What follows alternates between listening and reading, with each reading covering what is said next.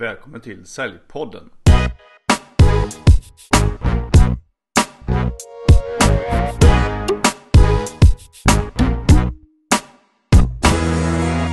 När jag får höra talas om personer som är väldigt framgångsrika inom försäljning som har lyckats bli årets säljare, årets rookie på företag man har jobbat på, slå säljbudgetar, då blir jag väldigt intresserad av vad just den personen har gjort för att åstadkomma det här och nå dit de har nått.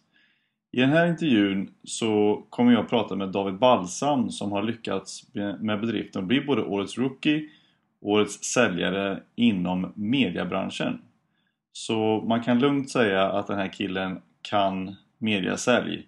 Och lyssna på den här intervjun med David Balsam så får du veta hur man ska göra för att bli Årets Säljare och lyckas inom mediaförsäljning. Idag har vi en riktigt framgångsrik säljare och gäst med oss i Säljpodden, nämligen David Balsam.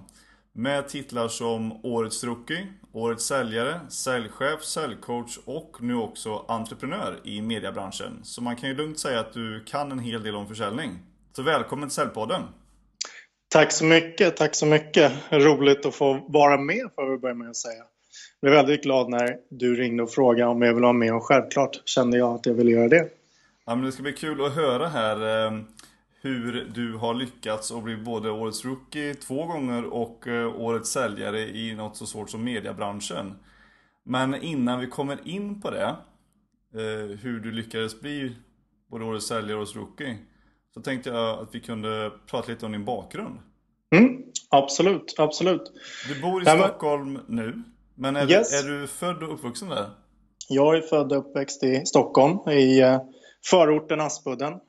Mm. Men gick både skola i Hägersten och Fruängen och sen gymnasiet så gick jag i Östra Real. Men vad, vad tänkte du då? Vad hade du för planer efter gymnasiet att du skulle göra, jobba med? Men jag visste väl ganska tidigt att det ändå var försäljning som jag skulle hålla på med. Jag kommer från en säljande familj. Jag har en stora syster som fungerar både som förebild och mentor i avseende kommer just till sälj. Och jag kände ju liksom tidigare att just det här med sälj är någonting jag brinner för. Så när jag skulle göra mitt gymnasieval så var det väldigt enkelt eh, då när jag läste handelsprogrammet att redan där började liksom det här intresset formas att hjälpa företag eh, att lyckas. Och det ser jag att försäljning ligger till stor grund i det för att vi säljer i allting egentligen vi gör idag. Mm. Men, men visste du att du ville jobba som säljare eller var det bara att du ville jobba med företag i allmänhet eller? Men jag kände nog mycket att jag ville liksom jobba med företag. Jag ville inte låsa mig kanske heller just vid någon typ av bransch utan liksom få en, en bredd. För att jag tycker att det är intressant både med det lilla företaget till det företaget som funnits ett tag till det stora varumärket. Så jag hade intresset liksom, i egentligen alla leden. Och jag känner i försäljning att jag vill ju börja någonstans med att liksom lära mig från grunden. Och det gör man kanske många gånger bäst i att börja med mindre kunder och sen jobba sig uppåt under tiden.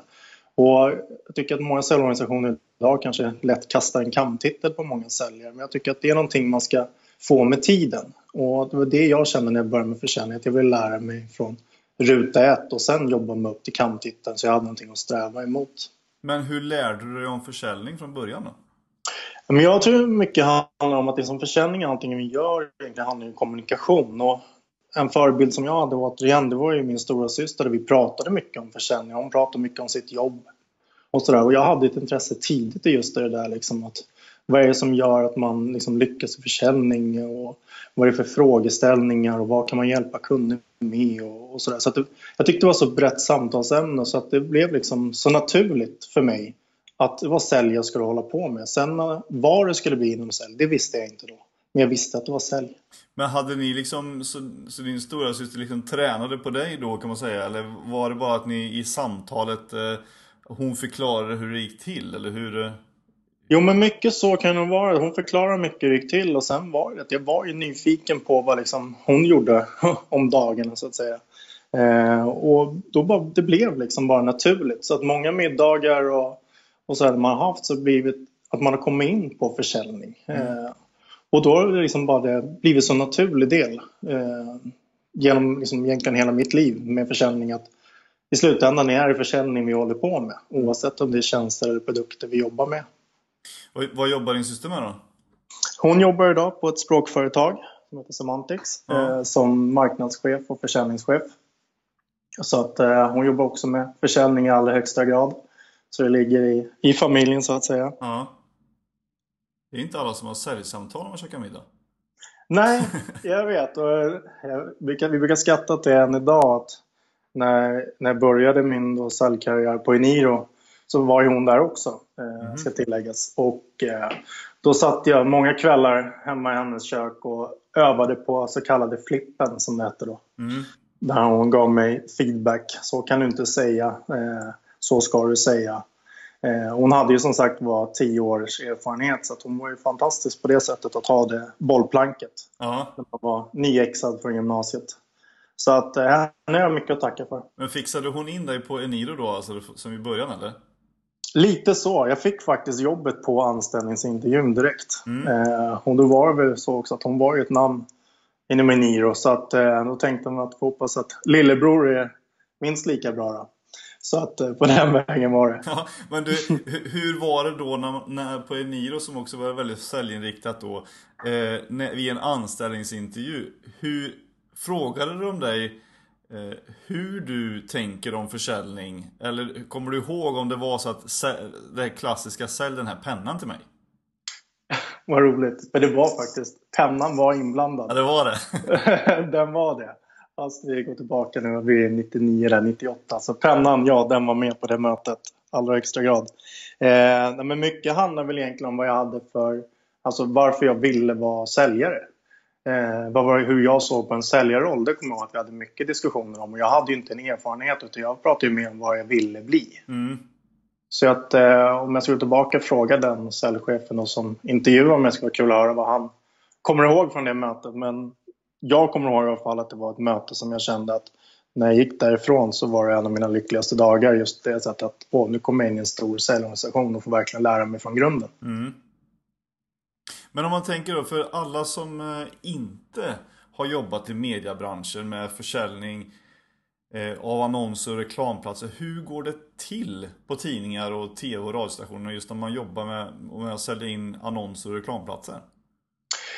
Alltså just det här med mediasäljet, det, jag menar det, när, när jag började liksom med sälj, jag vill bara tillägga det, då var det ju egentligen att Gula Sidorna hade, Eniro då hade ju monopol på sin typ av tjänst. Och, Mm. eh, Dagens Nyheter eh, hade ju egentligen liksom också typ av monopol. Det var väntetid på sidan tre.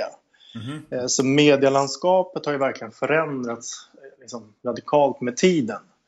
Jag kom in i ett skede där egentligen Metro var de som kom in och rörde runt lite i grytan ska jag säga. Mm. Just inom medielandskapet där det kanske blir att man prisar sig in. Eh, och man börjar prata rabatter på ett helt annat sätt. Men det jag skulle komma tillbaka till din fråga just det med media. Så tyckte jag att när jag började med mediasäljet och för att liksom, då var det mycket att titta till vilka kunder det är vi vill ha. Och vad kan vi göra för liksom nytta av dem? Och då var det självklart att sitta i analysverktyg som RM och titta vilka kunder det fanns. Men det fanns ju också någonting utanför det och se vilka kunder vill vi jobba med. Eh, ibland kan jag känna att många företag kanske stressar på det där och bara springer på allt. Mm. Jag tycker liksom man ska ha en plan. Och DN, när jag var där och talade för dem, så var det att det var en tydlig plan. Eh, vilka kunder vi skulle jobba med, eh, vilka branscher vi skulle jobba med. Vi var indelade branschvis och det. Så det var en väldigt tydlig struktur. Medan tittar jag på medielandskapet idag så är det lite mer spring på allt, ta in pengarna, tyvärr. Mhm. Där kan inte jag uttala mig exakt hur det ser ut på alla våra stora mediehus och respektive mindre. Men det är min bild lite grann om hela medielandskapet. Att man, man springer nästan lite för fort. Man hinner inte riktigt stanna upp och reflektera. Eh, för det är andra tider nu. Vi ser mycket med att eh, mittmedia, flera tjänster försvinner och då blir det en stress i organisationen. Mm. Så jag vill säga liksom att medielandskapet har verkligen förändrats och framförallt mediasäljet också. Och ska du jobba med media idag så är det viktigt att du kan alla medier på ett annat sätt än vad det kanske var tidigare. Därför att det finns så många duktiga mediehus som är nischade idag än vad det fanns tidigare. Utan då var det Dagens Nyheter som gällde på gula sidorna. Så att det gäller att vara på tårna, det gäller att kunna mediebranschen alltså i stort eh, och inte bara sitt egna media skulle jag säga.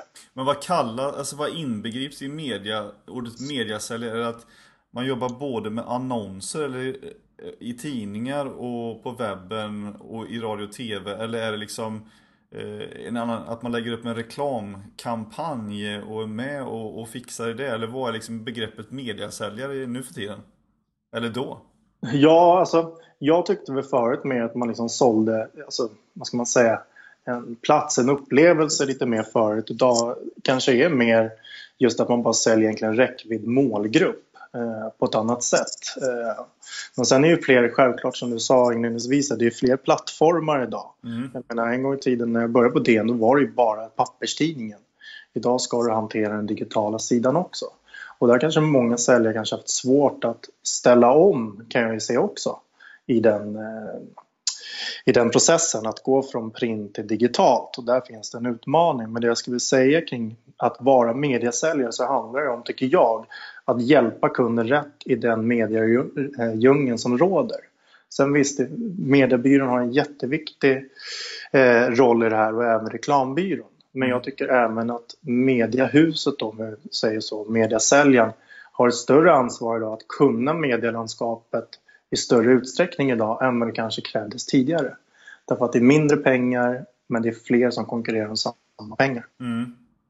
Men var det då på Eniro så handlade det om att eh, sälja, att man ringde upp företag så att de skulle vara med i Gula sidorna eller?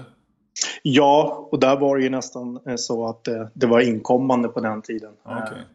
Man var ute och snurra. Eh, kunderna vill säga att det jag menar med det är att det var ett årsavtal och så gick man ut nästan och bara förlängde. Mm. Det var ju inte en jättetyp av alltså, införsäljning på det sättet. Det var mer att man skulle vara med. Sen var det bara frågan om hur stor annons, vad man, eh, vad man ville betala liksom för. Mm.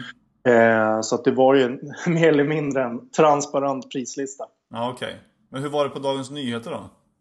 När jag klev in på Dagens Nyheter så eh, var det väldigt fasta liksom, ramar. Men sen med tiden förändrades det också. Det gjorde det, helt klart. Ehm, det blev att eh, räckvidder eh, sjönk. Inte så där första året, men med tiden så har det liksom gått ner. Och tidigare var det att man var ute och pratade prishöjning. Varför man kunde höja ett pris. Men sen då när man rasade blev det mer prata värde av ett annat sätt. Så jag kan säga att det är tuffare idag att vara mediesäljare än vad det var när jag började egentligen med mediesäljet. För det var andra diskussioner då. Mm. Så det är ett hårdare klimat idag. Vad är det som har blivit den stora skillnaden då? Jag tror att det handlar om eh, att man kan inte bara eh, som annonsör idag nöja sig med en, två kanaler. Utan du måste gå i flera. Men det är också då flera som vill ta del av den här kakan och det gäller just att du sticker ut i den här medielandskapet. Om väljer din tjänst eller då produkt i det här fallet eh, för att det är det som passar dem bäst. Eh, mm. Och det handlar inte bara om att sälja en helsida sista minuten utan där har ju mediebyrån ett stort ansvar att faktiskt hjälpa kunden eh, rätt i det här. Så att det inte blir lite sista minuten-priser överallt utan faktiskt har en mediestrategi. Och där kan jag tycka att det förändrats lite med tiden. att Jag jobbade väldigt mycket med medieplaner på ett år i vissa fall mm. två år faktiskt. Eh, Medan idag är det nästan man många gånger jobbar månad för månad. Eh, och det är ju så att vi måste anpassa oss mer idag efter det rörliga samhället vi har. Eh, så är det. Att liksom det som funkade igår behöver inte funka imorgon. Så självklart måste man vara med på tårna och man måste kunna förändra över tid. Men jag tror ändå man måste ha en grundplan med de stora medierna. Eh, vad man ska göra och sen så kan man ha en del av sin kassa att göra lite punktinsatser. Mm. Men jag upplever ibland att vissa både stora och medelstora företag jobbar för mycket punktinsatsmässigt och kastar om för mycket och då, då blir det inte bra i slutändan. Det är min erfarenhet. Men vem var egentligen kunden i det här fallet då? För om man ringer upp ett bolag, jag vet inte vilka bolag som ni vände er till, men det kan både stora och små då kanske på den tiden. Mm. Mm. Eh, vem var det ni pratade med som ni ville skulle sätta en annons? För men, även om du har en marknadschef då kanske som, eh, som ansvarar för, för marknadsföringen mm. Eh, så har ju han eller hon en byrå eller två som man jobbar med för att forma sin kampanj och sen att det ska då finnas någonstans. Eller så har man kanske inte någonting överhuvudtaget. Man jobbar inte med någon. Mm, mm. Är, det, är det bolaget man ringer till eller är det själva mediebyrån man ringer till som bolaget har sitt konto hos? Ja, jag kan säga så här, ibland kan det här vara en känslig fråga. För att skulle du fråga mediebyrå så skulle de säga att allting ska gå via dem. Ja. Eh, men jag såg väl ändå nyckeln för att jag lyckades, ska jag säga, det var att just det där att ha kontakten både med kunden och mediebyrån. Att i den mån det går. Sen köper jag också och förstår, full förståelse att alla eh, säljare kan inte alltid få träffa marknadschefen och kanske måste gå då via mediebyrån. Men är du ett stort mediehus som vi var och är fortfarande Dagens Nyheter så var det ju lättare att komma in till kund, absolut. Det kanske blir lite svårare om man har en liten nischad tidning så att få träffa marknadschefen. Så jag mm. säger så här att nyckeln är att alltid försöka komma in på kund och självklart innovera mediebyrån och i vissa fall också en reklambyrå. Sen mm. ser det ju väldigt eh, olika ut. Jag menar, det finns fortfarande, om vi tar inom detaljestsegmentet, stora detaljistkedjor faktiskt som inte jobbar med mediebyrå. Så att de, och de lyckas även utan det. Men så jag säger så här, alla som innoverar det för att göra alltså, det bästa för kunden ska man ha en relation till. Mm. Och ibland säger jag också så här, tänk utanför boxen. Jobbar du med en kedja, varför inte lära känna butikscheferna? För det är oftast där du får höra sanningen. Mm. För de är på plats. Om den här annonsen har varit i Dagens Nyheter, de har varit på plats och sett hur det har sett ut med de varorna exempelvis de har reat ut.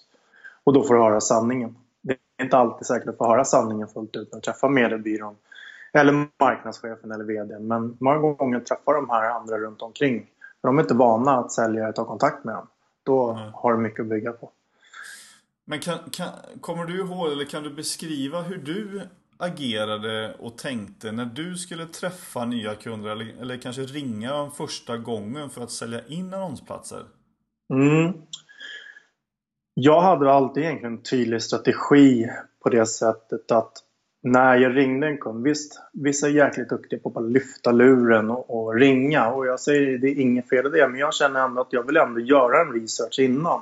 Sen kan den researchen vara alltid olika stor beroende på vad det är för typ av kund jag ringer. Men många gånger så brukar jag öppna upp ett samtal med att jag kanske hade läst någonting om dem eller sett någonting i media som kunde påverka dem.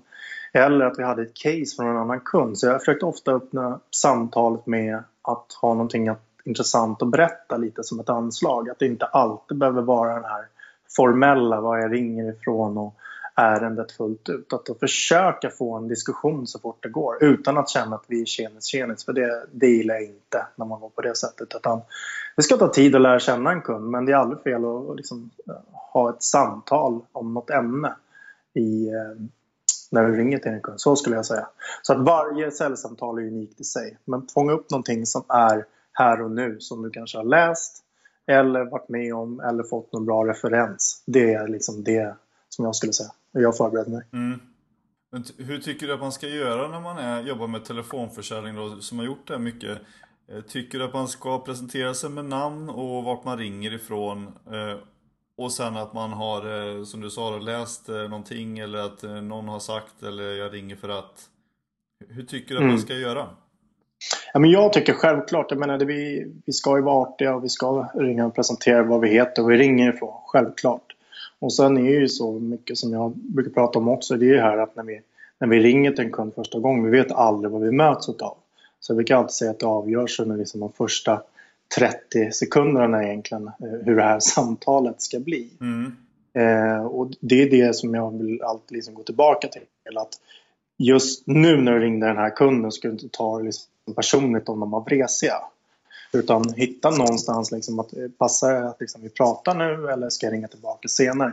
Och det där känner man av och jag säger inte att det finns någon lathund exakt hur det här ska fungera. Jag tror det handlar om erfarenhet. Eh, att för att få en erfarenhet så krävs det att ha gjort det många gånger. Och sen finns det där. Mm. Så det finns ingenting du kan säga till en nyexad säljare att eh, du ska säga exakt så här. För varje samtal är unikt i sig. För du har ingen aning vad som har hänt den här morgonen med den här marknadschefen du ringer. Det är därför jag säger försök att ha det så, så neutralt, liksom, trevligt samtal som det går. Och sälj inte för mycket. Nej. För det finns ju en, en känsla där ibland när, man, när jag blir uppringd också av telefonförsäljare att det inte är en dialog som vill skapas. Mm. Utan att det blir jag hör direkt på samtalet att det här kommer att bli kort och, det, och han eller hon som ringer vill att det ska gå över fort.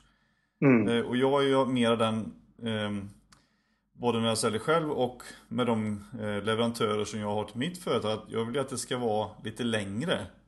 Mm. Så varför måste det gå så fort? Och oftast, jag, jag tänker bara hur det här brukar låta ibland att eh, det, det, låter oftast ganska forcerat och lite klämkäckt Hej, jag heter Kalle Karlsson här och ringer från eh, det här och det här. Hur är det med dig idag? Skulle du vilja att eh, jag har en jättebra grej för dig? Eh, och så vidare.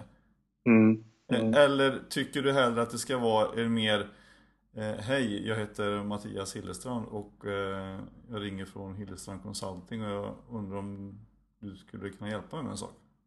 Mm. Mer i ett lugnare tempo liksom. Ja, och det där är ju tillbaka till det här egentligen just det att man vet ju aldrig vem man möter på andra sidan. Och jag säger så här, var alltid dig själv. Och så jag menar, ibland så kanske det funkar för den här Kalle hej till den kunden han ringer. Lika väl som du då nu med Mattias funkar också. Jag tror att liksom utgå ifrån vad vill du själv mötas? Börja där. Och, och sen försöka anpassa direkt vad du hör vad, hur kunden svarar efter de här då, 30 sekunderna på de här när du har presenterat dig, de här grundgrejerna. Och då får du anpassa tempot. Jag menar, ibland får du kanske måste vara den där Kalle. Eh, och ibland måste du vara den här mer, lite mer lågmälda och införsäljande. Men jag tror ju på det långa loppet för att bygga relationer med sina kunder. Så tror jag mer på det sistnämnda. Det här lugna samtalet, berätta vilket ärende, vilket syfte du ringer.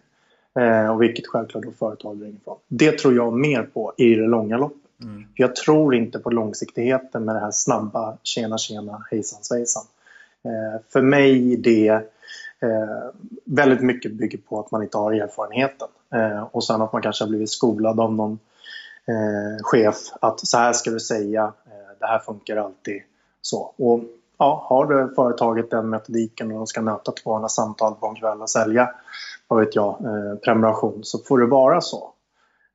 Men jag säger att jag tror inte i, om du ska ha långsiktiga affärer, att det är rätt tillvägagångssätt i ett första samtal. Nej.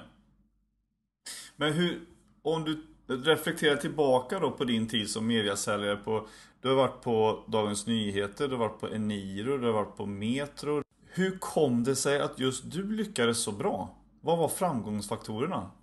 Jag ska säga så här, det första det är faktiskt att jag har haft en jag har haft så tur att jag har haft väldigt bra ledare samt chefer genom åren. Det är egentligen det första som jag är evigt tacksam för. Jag har haft fantastiska ledare genom året. Men jag har också haft fantastiska kollegor som har varit villiga att dela med sig av sina framgångssagor. Så att jag är inte rädd för att fråga vad de har gjort för att liksom lyckas. Eh, jag brukar säga det, kopiera de bästa, gör det till ditt eget. Sluta uppfinna hjulet hela tiden. Mm. Utan våga fråga andra vad de har gjort för att lyckas. Och det är så, och är man duktig så delar man gärna med sig av sina framgångssagor. Och jag är en sån som gärna delar med mig. Jag tycker det är fantastiskt kul att se både vad ska man säga, ledare, chefer, team, individer växa. Det är någonting som ger mig en otrolig härlig liksom, feelgood-känsla i hela kroppen. Jag ser att någon ger mig feedback att det här funkade. Tack för det tipset. Då blir jag glad. Mm. Eh, för då ser jag det här genuina, det glimrar i ögonen, att man frågar faktiskt vad man vill veta. Mm. Eh, så att jag säger så här, släpp garden eh, och också det där, våga fråga vad gör du? Vad har varit din framgångssaga? Varför lyckas du?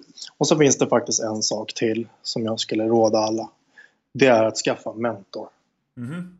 Och gärna utanför det man håller på med. Det vill säga att det inte ska vara i kanske just den bubbla man jobbar i.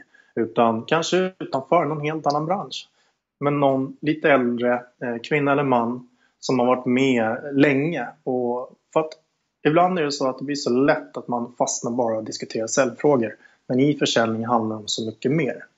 Att bygga relationer, kunna ta en vresig person, en glad person, en virrig person, you name it. Och sådana här saker är bra att kunna bolla med någon utanför. Och även man kanske känner att man kört fast ibland eh, där man är och vill vidare och kanske inte känner alltid att det är läge att ta det med chefen eller så. Därför säger jag att alla borde ha en mentor. Och det har hjälpt mig jättemycket. Jag har haft fantastiska mentorer genom åren. En stora syster till exempel? En stora syster till exempel, absolut, absolut. Absolut, Nej, men så, så är det och det är jag väldigt liksom, tacksam för. För det, det, det är viktigt att ha ventiler, så är det. Mm. Det, säljarbetet är upp och ner, så är det. Det är inte alltid en dans på rosor. Eh, utan ibland går det fantastiskt bra, ibland går det lite tuffare. Då är det skönt att kunna ha någonstans och ha en ventil och lasta av och bolla saker och ting. Men upplevde du då att dina eh, kollegor här på de här företag som du har jobbat med eh, inte har utnyttjat möjligheten att fråga de bästa? Ja. Och av den anledningen så blir de akterseglade? Ja, jag skulle säga mycket det att jag har sett många säljare som har kommit och levererat väldigt snabbt eh, första året och sen när de ska möta sina egna siffror år två så brukar jag ofta säga att det är då man visar att man är en duktig säljare. Mm. Och jag har sett tyvärr alldeles för många gånger att man eh, faller platt och då brukar jag kalla dem för dagsländer. Mm. Och då tror jag att de skulle kunna göra det fantastiska året men att för att lyckas år två då tror jag mycket handlar om att Eh, våga ta in feedback från andra och titta vad de har gjort för att bygga upp en långsiktighet. Eh, och det är det tydligaste exemplet som jag brukar se, se. Att man inte vågar be om feedback och man vågar inte be om hjälp av andra. Och man vågar framförallt inte ta hjälp av andra för man känner att eh, nästan som att det blir dumma frågor eller att man känner sig svag. Men det är inte det det handlar om. Det handlar om att man vill utvecklas och man kan inte vara bra på allt. Jag tränar än idag. Jag har massa saker som jag tränar på som jag känner att jag vill bli bättre på. Så det finns alltid någon sälj att, att utvecklas. Mm. Men, men, upplever du på alla de här jobben som du har haft också då att, att eh, dina kollegor heller inte väljer att, så att säga, självutbilda sig själv genom att läsa böcker, eh, följa personer på nätet som deras nyhetsbrev eh, eller föreläsningar eller vad de nu lägger upp videos och så vidare. Mm. Eh, upplever du att man går bara till jobbet, försöker dra av sina timmar och sen åker hem och sen så hoppas man att det ska gå bättre imorgon? Mm. Jag brukar prata om den där 80-20-regeln. Det kan man säga lite. Säljkåren brukar säga att 20% av säljkåren står för 80% av försäljningen. Mm. Och börjar man titta på de här 20 procenten, vad är det de gör mot många andra? Men då är det just det som jag tycker att de här gör. Det är att de har ett intresse inom sälj. De läser böcker, som du säger, de följer poddar. Eh, de tittar på YouTube-klipp. Eh, de diskuterar sälj vid middagsbordet etc. De har sälj i sig 24 timmar eh, om dygnet. Och det är det som är för att du ska lyckas som säljare så måste du ha intresset hela tiden. Och tyvärr ser jag allt för många säljare ibland som jag undrar varför har du det här yrket? Men de kanske sitter på bekväm eh, lön och tycker att liksom, ja, men det är skönt, jag har ingen utbildning eller vad det kan vara och blir fast. Mm. Men de säljarna verkligen som når den här toppen, skulle jag säga, det är de här säljarna som är vetgiriga, har ingen prestige, frågar, är nyfikna eh, och framförallt prestigelösa. Men du var ju då bäst på att sälja och du mm. blev Årets Rookie på två olika bolag. Du blev Årets Säljare på Dagens Nyheter. Mm. Hur var det att få den bekräftelsen och vara bäst? Ja, jag skulle säga nu är det OS-tider så att jag skulle nog förknippa det med som att ta ett OS-guld. För någonstans är det ju så att man, om jag talar för mig själv, liksom som säljare, jag gillar det här tävlandet och, och bli bäst. Så, så, är det ju. Eh, och det var det som var självklart en av triggarna när man håller på med försäljning. Och när man får ta emot det där priset så självklart blir man jätteglad. Men jag skulle nog säga också så här att jag aldrig tagit emot ett pris själv. Utan jag har alltid egentligen haft ett fungerande team som har gjort det möjligt att jag har kunnat få stå över prispallen. Mm. Så alltid när jag har tackat för ett pris så är det inte att jag har tackat en jury utan det handlar om de jag haft runt omkring mig. Därför att eh, jag hade aldrig åstadkommit de här framgångarna om jag inte hade haft bra ledare, chefer, kollegor med mer runt omkring mig. Så det har alltid varit ett lagarbete att jag har stått högst upp. Så jag brukar säga att jag hämtar priset men jag delar med så många andra. Mm. Det var ganska många säljare som, ni, som, ni, eh, eller som du tävlade med kan man säga eller? Mm, ja, absolut. Och på Dagens Nyheter var det självklart det, men just att bli mediesäljare var ju stort om man tittar till hela vårt avlånga land. Många som inte håller på med media så var det väldigt, väldigt stort. Så är det ju. Uh-huh. Så att självklart känns ju det mediterande och gav mycket ringa på vattnet på många sätt. Eh, framförallt kände jag att det var fler som tog kontakt och ville nätverka. Eh, vilket jag säger så här, nätverk är A och O i mycket i försäljning idag. Så är det. Eh, att det öppnar dörrar. Så att, att få ta emot de här priserna har gett självklart mycket ringa på vattnet. Så är det. Saknar du jobbet som mediasäljare då? Jag saknar tiden när det var som roligast just med mediasäljet. Det kan jag sakna. Men jag kan inte säga just nu att jag skulle vilja gå tillbaka just med mediasäljet så.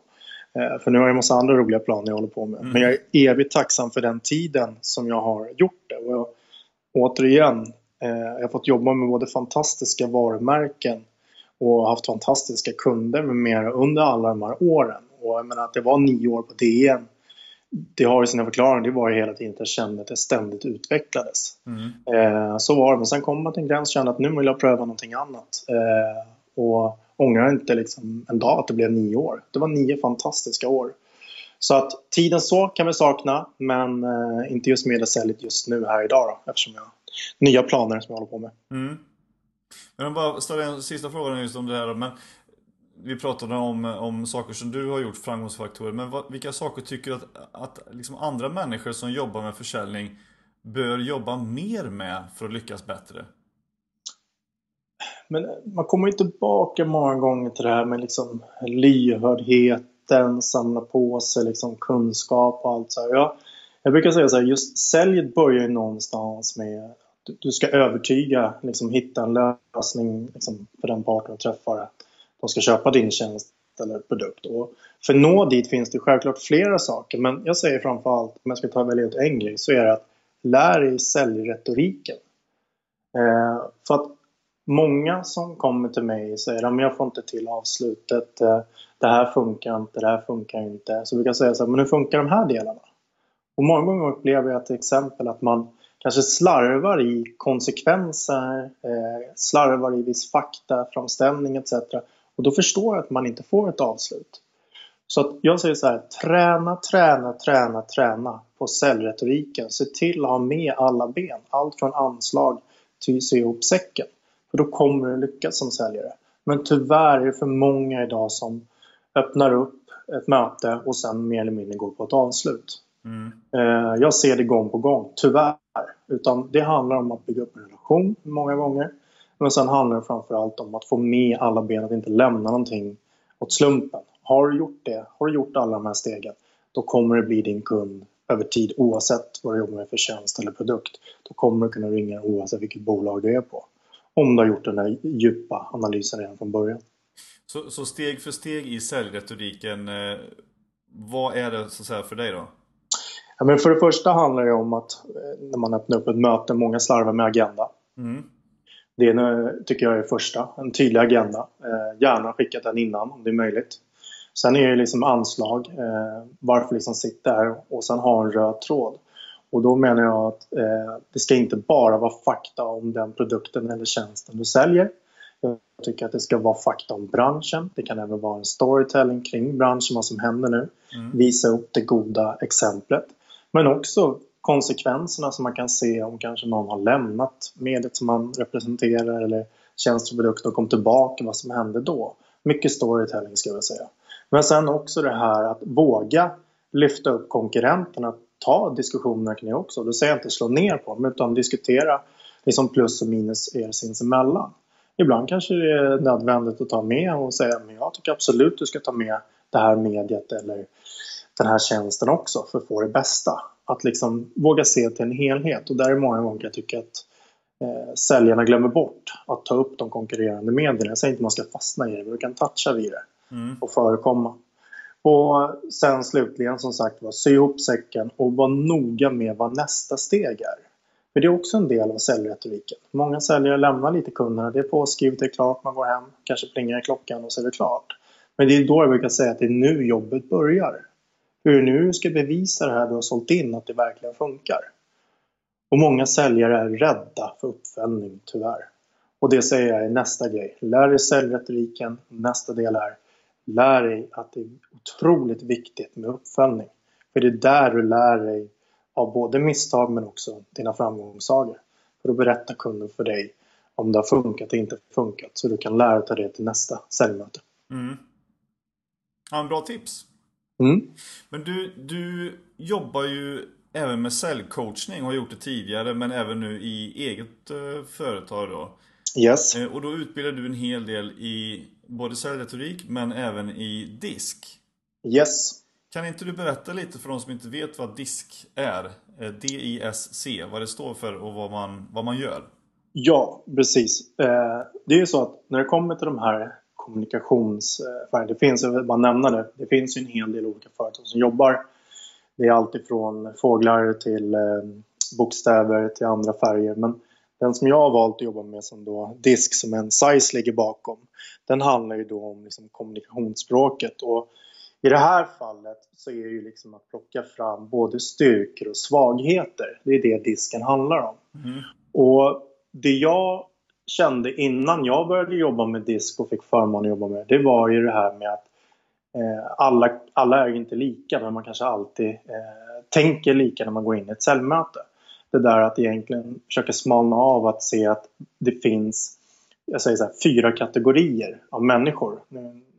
För att generalisera lite. Mm. Men just den här som är vetgiriga, den här som älskar att prata eller den här som vill ha fakta eller den här som bygger på relation.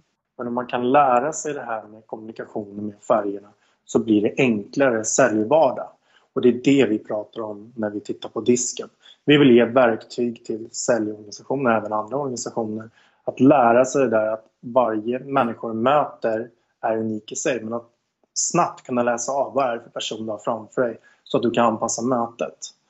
Eh, därför att många säljare går in likadant i alla möten och kör på på samma sätt och det funkar inte. Så det tycker jag disken plockar upp. Sen kan man prata timmar om diskens olika analyser som man får fram i den. Men i korta, kort, eh, den korta varianten ska jag säga att det handlar om att snabbt ta reda på vem är du har framför dig. Är det en person som går igång på fakta? Eller är det en som vill bygga relation? Är det en som älskar att prata? Så att du kan anpassa mötet. Mm. Och sen så lägger man upp då sin säljretorik efter vem det är man pratar med helt enkelt. Exakt. Mm. Och det blir nästa steg när man sen har liksom analyserat vad personen framför en är för en. Ja, precis så. Du har ju Förutom att du eh, jobbar och utbildar och sånt så förstår jag att eh, du gillar att träna. Absolut. Det ligger dig lite varmt om hjärtat? Ja, det gör det. Jag brukar säga, jag brukar säga att eh, träning och försäljning många gånger går hand i hand. Just det där att man tränar för att bli bättre kanske då för att uppnå ett mål. Exempelvis för min egen del så gjorde jag en svensk klassiker och då behöver man det här träna uthålligheten. Och det kan jag känna väldigt, går hand i hand med försäljning. Att det handlar också om uthållighet och träna och träna och träna. Och sätta upp mål. Men sen också det här att fira framgången när man gått i mål. Så att träning för mig har alltid varit en naturlig del för att orka med också. För säljyrket är inte ett jobb som är 8 till 5. Det sträcker sig ofta många gånger mycket längre. Eh, mm. Ska jag säga. Och då är det bra att du har en bra fysik att orka med. Mm. Så du är lika målmedveten med träning som med säljyrket? Ja, det ska jag säga. Sen får jag väl erkänna att ibland hamnar jag självklart som många andra lite så perioder när man kanske känner att man eh, inte prioriterar träning. Man känner att man kommer in lite fel. Till exempel på sommaren. Man kanske njuter lite extra av lite god mat och glass och sen träna bort semesterkilorna. Så jag är mänsklig, absolut. men jag, så att eh, jag vet att eh, det krävs eh, men, träning, säga, det krävs alltid disciplin att hålla uppe det, så är det. Men för mig har det blivit en naturlig del självklart av mitt liv att träna för jag vet vad jag får tillbaka i energi när jag tränar. Så jag rekommenderar alla människor att träna. Sen kan man alltid säga att man ska träna efter eget sunt förnuft och inte vad alla andra säger. Nej. Men eh, när vi träffades för några månader sedan så, så berättade du att du höll på att skriva en bok om eh, dina erfarenheter. Mm. Vad handlar den om? Ja, framförallt så handlar det självklart om saker och ting som jag har upplevt. Men det är väl ett ämne egentligen som jag har fastnat för och det är det här med passion. Alltså just det här med titeln på boken har vi satt och det är ju Balsam för säljsjälen. Och det handlar om att jag tycker många gånger att många säljare kanske gömmer sig bakom en powerpoint. Att det inte blir så levande liksom möte. Jag vill få fram det här att det ska bli mer levande möte för det är trots allt människor vi jobbar med.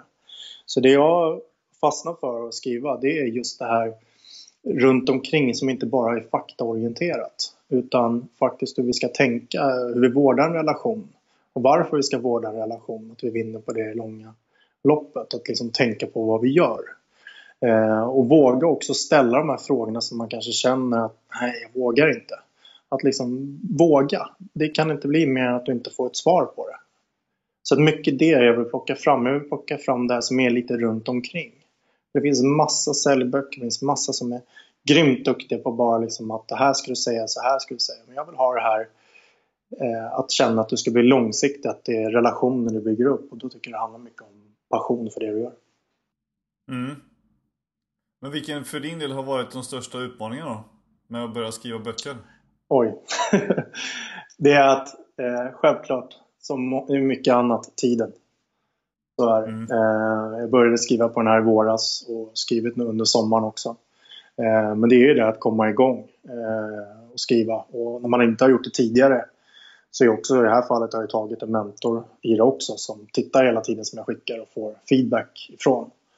Eh, mm. För det är svårt att skriva skriva så själv. Det är en sak att ställa på en fråga och berätta men att få ihop till en hel bok det krävs någonting helt annat. Men jag har sagt så här att jag stressar inte med det. Utan jag kommer sakta hela tiden fylla på den här. Eh, både med upplevelser jag varit med om, eh, också är i nu och sen framåt. Så att jag känner att det är en bok som jag vill få en bredd, att det inte bara handlar om att du som säljare ska läsa den. Utan överhuvudtaget i serviceyrket när vi jobbar med försäljning och kommunikation med människor, att ha passion för det vi gör och våga prata mm. känslor. Men vilka andra personers böcker läser du och inspireras av? Eller vilka andra säljcoacher och föreläsare och sånt följer du? Eh, jag är så här otroligt liksom, egentligen bred vad jag liksom följer. Jag kan följa allt ifrån eh, David Sternholm som, är utbildad struktör till Olof Rolander till eh, Kjell Enhage. Eh, även din bok Avslutsbibeln. Jag kan tycka Frida Boisén som pratar om sociala medier är intressant. Så det, jag är väldigt bred i att följa för att jag ser idag till exempel om vi kommer in till försäljning så är det så mycket mer ingredienser man behöver ha koll på. Och därför har det blivit att jag har en stor, stor bredd. Och tittar vi utanför Sverige så Brian Tracy är någon jag lyssnar mycket på. Det var en av faktiskt första säljböckerna jag läste också. Goal. Mm. Eh, så det finns många förebilder där ute liksom att lyssna på och ta in nyhetsbrev. Så att jag säger så här, ingenting utesluter andra. Utan hitta, ut och leta personer som du känner att du tycker är intressanta. Eh, de här följer jag för att jag tycker att de har någonting som jag känner att jag vill bli bättre på eller kanske är bra och vill bli ännu bättre eller ett område jag kanske inte alls behärskar och känner är viktigt för att få mig framåt i min utveckling. Eh, jag menar, det kanske låter konstigt att jag följer en struktör men jag tycker att det är jätteintressant. Därför att det är så lätt idag att man påbörjar massa saker eh, och kanske inte slutför och då är det bra att få tips hur man liksom går i mål med saker och ting. Mm. Så att jag är väldigt bred med de jag följer. Härligt. Det är ju så man får idéer och inspiration också genom att se saker från väldigt många olika håll. Och eh, mm. göra om tankar och idéer till sina egna. Ja, precis. Men nu har du ju lite grann, eh, ja, sista året här då, bytt spår och slutat som säljare i mediebranschen och startat eget. Mm. Vad hjälper du precis. företag och säljare med nu? Nu handlar det mycket om att dels säga så här, men säljet så är det en färskvara.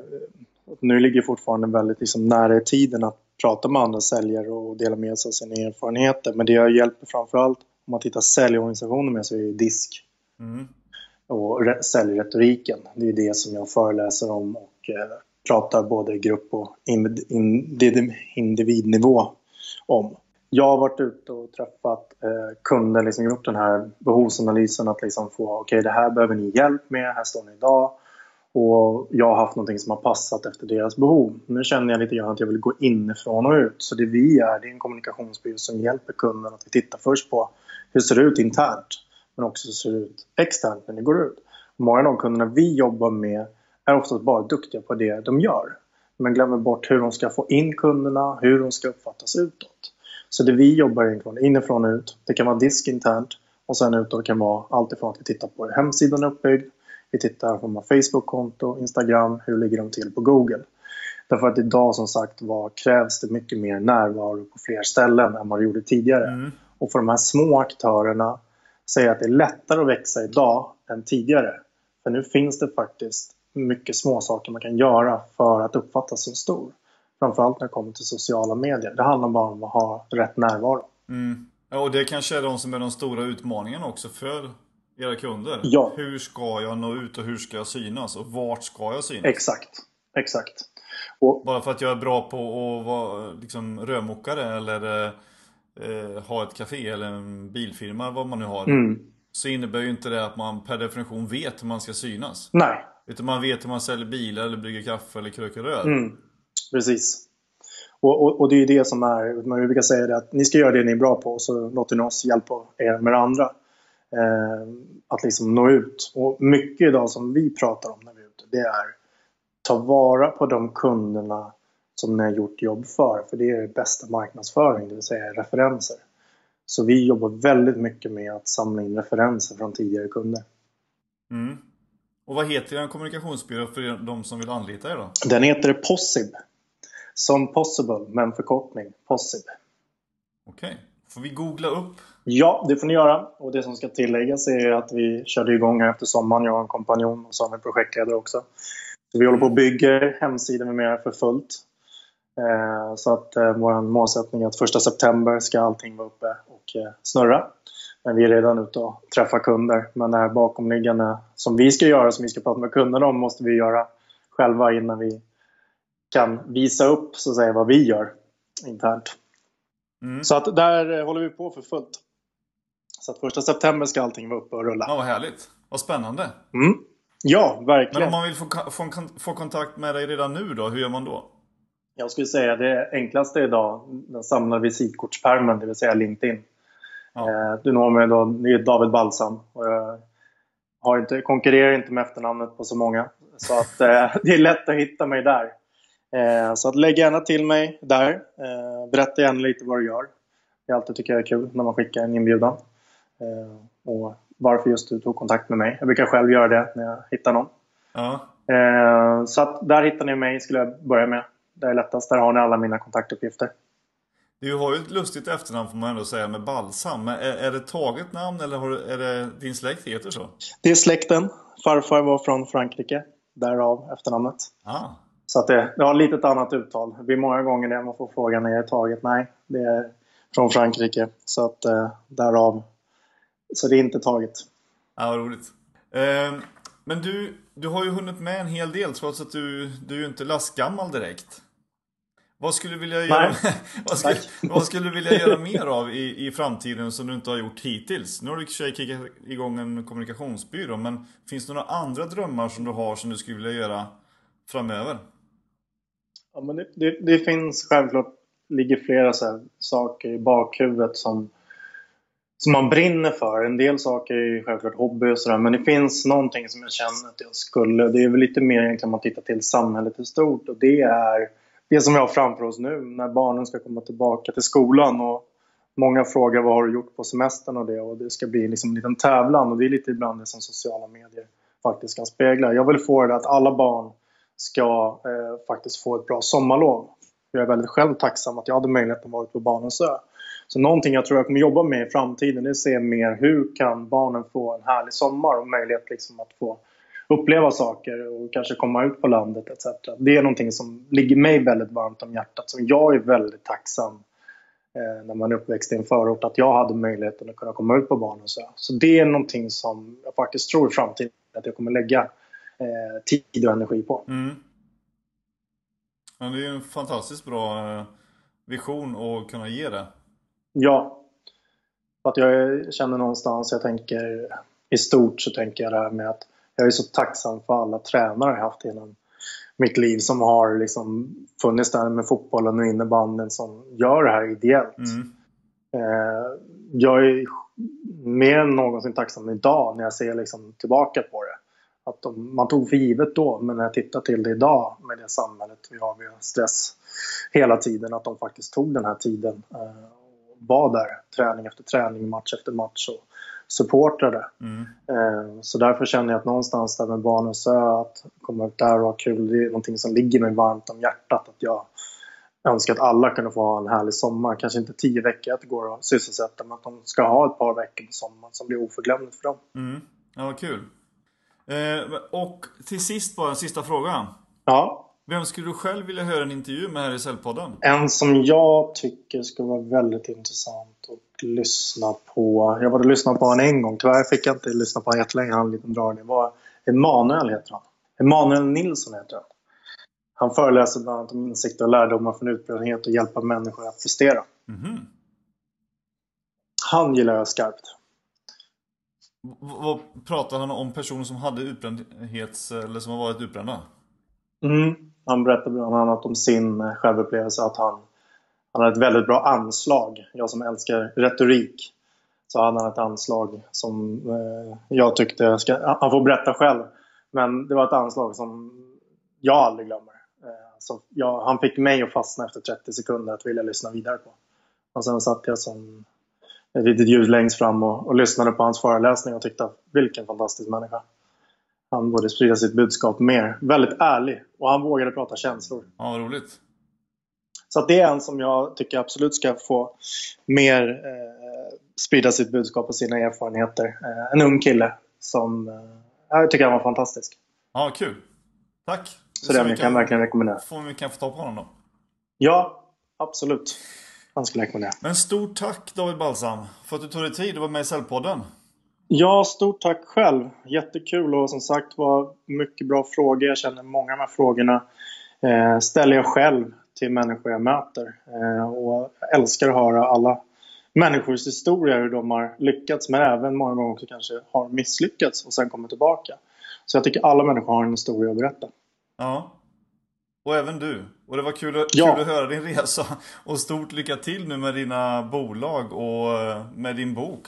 Eh, Vi får väl anledning att återkomma till den när den Känner ingen press nu alls, men när den blir färdig. Absolut, och jag kan lova redan idag att när den väl är färdig, jag ska lägga en notis i det, så lovar jag att jag ska skicka ett exemplar till dig. Ja, härligt. Mm. Stort tack. Ha det bra. Stort tack själv, detsamma. Ha det gott. Hej. Hej då.